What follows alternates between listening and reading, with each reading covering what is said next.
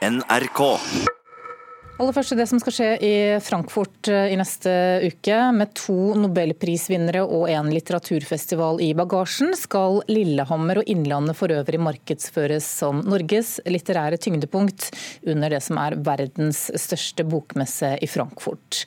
Og hva er mer naturlig da enn å sende av gårde litteraturens mest trofaste sliter, nemlig Bokbussen? Det er tidlig morgen nær Skreia i Østre Toten. Trygve Ramnefjell og Jens Erik Kjelstad er på tur til Stange skole i litteraturens tjeneste. På Stange skole i dag så skal det foregå en eh, eventyrstund for eh, første klasse. Ellers så, så skal alle på skolen eh, låne hver sin bok. Da er det å finne fram utstyret. Skal vi se her. Hver dag fem dager i veka En trapp som enkelt og greit eh, rulles fram. Kjem bokbussen til en skole i Og Oppland. denne gangen her nå, da, begynner vi med, med eventyr og, og sånt. Nå skal vi se her om jeg har eh, Men neste veke skal bokbussen ut i verden. Og på tirsdag så kjører vi til Frankfurt. For da skal bussen gjøre Innlandet synlig når den største bokmessa i verden åpner neste onsdag. Vi har et veldig unikt tilbud her i Oppland. Tone Nysæter er fylkesbiblioteksjef og stolt over bussen som både låner ut bøker til skolebarn, og i tillegg driver aktiv litteraturformidling. Og da kunne vi vise fram det internasjonalt til et verdenspublikum, hvordan vi jobber her i Oppland og Norge, det så vi på som en helt unik sjanse. I februar var kulturministeren på filmfestival i Berlin for å markere starten på den største norske kultursatsinga i utlandet noensinne, med en prislapp på over 50 millioner kroner. Dette var jo kjempefint, og det gir masse muligheter både for eh, norske selskap, norske distributører, og det er jo masse folk her. Når den norske satsinga når sitt høydepunkt i Frankfurt neste veke, vil også Innlandet være med. Nå skal selge Innlandet som litteraturfylke i Norge. Fylkesordfører Even Alexander Hagen er en mann med en plan. Vi ønsker jo å vise oss fram som det er litteraturfylket oss faktisk er. Eh, og I tillegg så er dette en, en kjempemålgruppe når det gjelder å få flere kulturturister til denne delen av Norge. Det var en gang en liten gutt. Det handler om formidling. Og når Oppland fylkeskommune skal bruke drøye 2,5 millioner kroner på å selge Innlandet som reisemål for leselystne tyskere, får Bokbussen ei sentral plassering på festivalområdet. De som vil, eh, kommer innom der og, og får gjennom de dagene noen opplevelser, for der skal det også fortelles eventyr på tysk. Reporter her, det var Arne Sørenes. Neste torsdag, 17. oktober, så rydder vi rett og slett sendeplanen i både P2 og Alltid nyheter hele dagen. Vi sender fra bokmessen i Frankfurt i ni timer. Starter klokka ni, varer til klokka 18. Og nå skal vi fortsette å holde oss eh, innen fagfeltet litteratur. For eh, tenk deg at eh, England tapte Falklandskrigen mot Argentina, og tenk deg at Alan Turing, matematikeren som arbeidet med å knekke tyskernes koder under andre verdenskrig, ikke tok livet sitt i 1954, men at han levde og arbeidet i aller beste velgående til langt utpå 80-tallet. Dette det er det som er bakteppet til Ian McEwans nye roman 'Maskiner som meg'. Litteraturanmelder Anne Katrine Straume, hva er det Ian McEwan skriver om denne gangen? Han skriver om oss, men han skriver altså sånn kontrafaktisk historie. Um, vi går tilbake til 1982, eh, London, hvor altså han beskriver en helt annen historie enn den som vi nå i ettertid vet faktisk skjedde. Eh, her er Beatles gjenforent, det kjører eh, selvkjørende biler rundt i Londons gater. Men først og fremst så er det altså da utviklet en egen robot som ser akkurat ut som mennesker. Det er 25 stykker. det er Halvparten av dem er Eva, halvparten er Adamer. Um, og vår mann, da, som heter Charlie Friend og da skal vi huske på at ingen av navnene hos eh, Ian McEwan er tilfeldige. Charlie Friend han skaffer seg en Adam. De er kjempedyre, men han har arvet noen penger. Ehm, men hva skjer når denne Adam forelsker seg i Charlies kjæreste Miranda? Her er det duket for eh, konflikter. Hvilke spørsmål er det han behandler, da? Det er de helt store eksistensielle spørsmålene. Hva vil det si å være et menneske? Hvem er vi, og hvordan vil det gå hvis kunstig intelligens overtar faktisk for oss mennesker av kjøtt og blod? Um, hva skjer hvis roboter overtar alle jobbene våre? Uh, vil vi da bruke fritiden til filosofi og kunst og nye oppfinnelser? Eller som Ian McEwan frykter, da, vil vi bruke det til nevekamp, porno og alkohol? Og så sier han sarkastisk det at den engelske overklassen har jo aldri aldri hatt problemer med å fylle fritiden sin. Han er en humorist, Ian McEwan, og han raljerer også med eh, britisk politikk. Da I 1982 så er det like mye kaos som våre tiders brexit-kaos. Han er jo en forfatter som ofte har en eh, krimgåte eller et eh, mysterium i bøkene sine. Ligger det en spenning der som, som, skal utløses også i denne romanen? Ja, det gjør det helt tydelig. Og det gjør det både på et sånt overordnet plan, altså det rent sånn uh, personlige planet, uh, men mellom disse tre, denne trekanthistorien, men også på et dypere liggende refleksjonsnivå.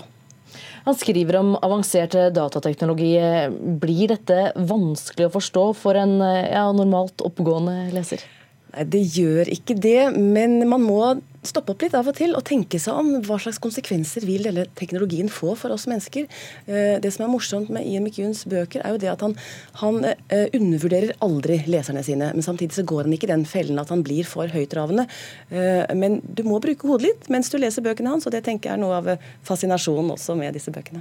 Slik som jeg leser deg, så synes du at dette er en god bok. Hva er det som gjør den til det?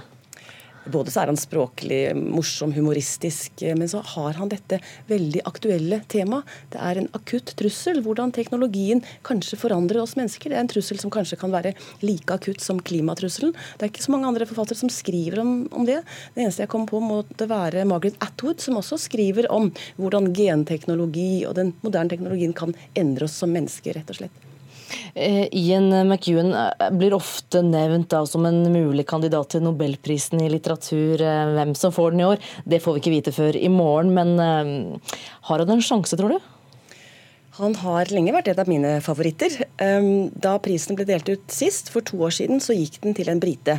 Den japanskfødte Kazuo Ishiguro. Så det skal vel kanskje litt til at en britisk forfatter får prisen nå denne gangen. Ehm, men jeg tenker at med denne boken, 'Maskiner som meg', som er oversatt av Weinar Blomgren, veldig godt gjort, det må jeg si, ehm, så har han ikke i hvert fall redusert sjansene sine for å få nobelprisen. Takk skal du ha, litteraturanmelder Anne Katrine Straume. Og vi skal vel holde oss litt innenfor dette med nobelprisen i litteratur? Ja, for nå strømmer det jo på med spekulasjoner og veddemål om hvem som eh, får Nobels litteraturpris i morgen. Kulturreporter Elisabeth Grøndal, i år så deles det ut to priser. Du må minne oss på hvorfor. Ja, Det er jo fordi de deler ut en for 2018, da metoo-skandalen i Svenske Akademien var så stor at ingen premie ble delt ut, og en for 2019 så er det alltid masse spekulasjoner om, eh, om hvem som vinner i forkant. Hvem er favorittene i år? Ja, Det er jo også både spekulasjoner og en masse veddemål. Litteraturlesere over hele verden begynner vanligvis å spekulere vilt på nettforum i begynnelsen av høsten om hvilke forfattere som sannsynligvis kan bli prisvinnere. Internasjonale spillbyråer utarbeider lister over hvem som har gode og dårlige odds.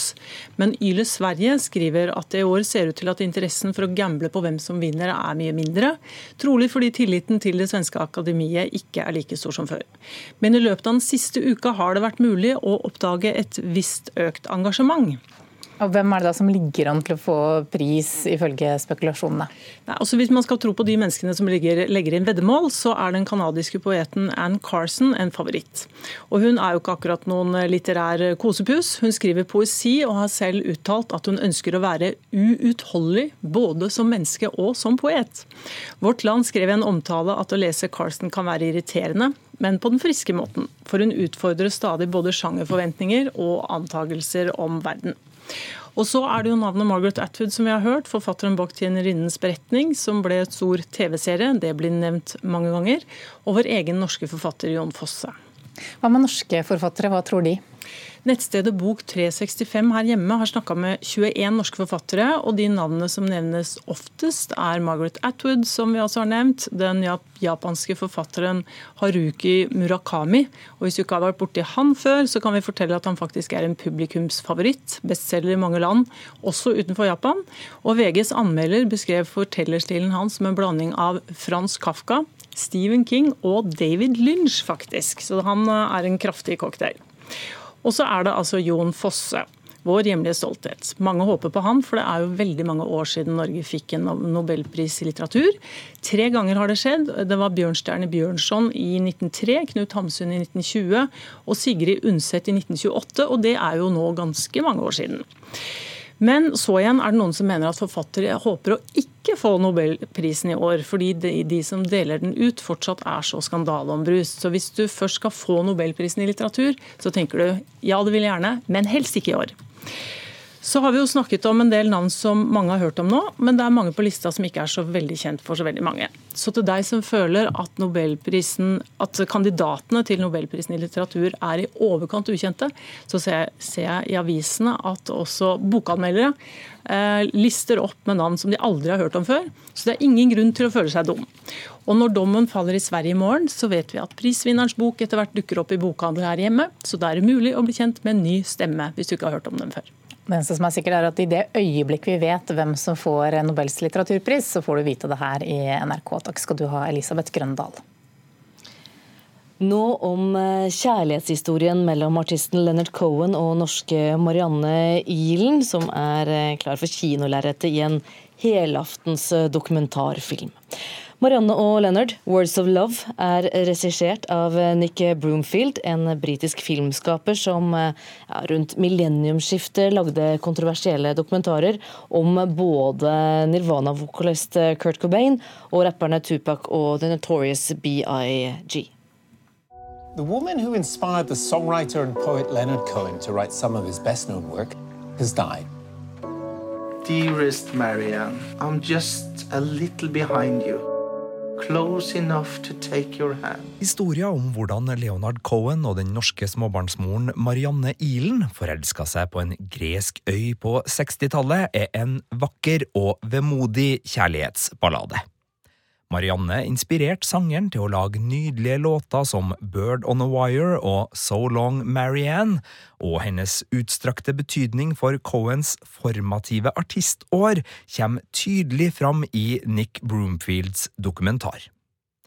Men denne fengende kjærlighetshistorien må ofte slåss om filmskaperens oppmerksomhet i en ufokusert og litt klønete dokumentarfilm. Lots of people came to. There was so much freedom there.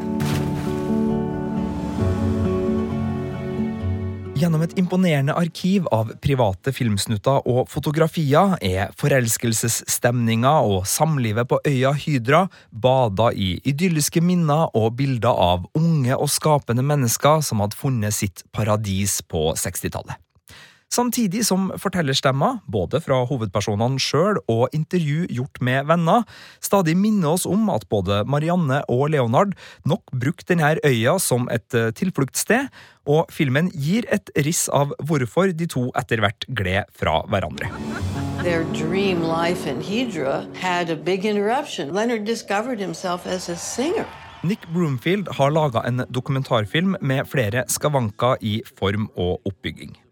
Han starter på flere biografikule historier fra Cohens karriere, som Elleville dager med Phil Spector i studio og hvordan han lagde gigantlåta Halleluja. Men filmskaperen sneier bare innom de her historiene. De her godbitene har minimalt med historier om Leonard og Marianne å gjøre, og når de ikke engang fortelles ferdig eller plasseres med mening, så blir de malplasserte smykker som verken får skinn eller pynt. Og så er det ikke til å komme ifra at filmens midtdel, da Broomfield gjennom flere perspektiver forsøker å fange opp fordeler og ulemper ved rus og åpne forhold, blir en omstendelig tematisering som roter ytterligere med filmens fokus. So much of his writing was about his relationships with women. He always had that feeling that he was after something that he couldn't get his hands around. Marianne og Leonard, Words of Love, er likevel vesentlig og opplevelsesrik pga. den unike tilgangen filmskaperen har til den fascinerende historien om Elan og Cohen. Og filmens klimaks er en rørende vakker scene som klarer å løfte historien fra kulturviktig kjærlighetshistorie og rett inn i sikringsboksen til alle som har latt hjertet sitt fange av en annen.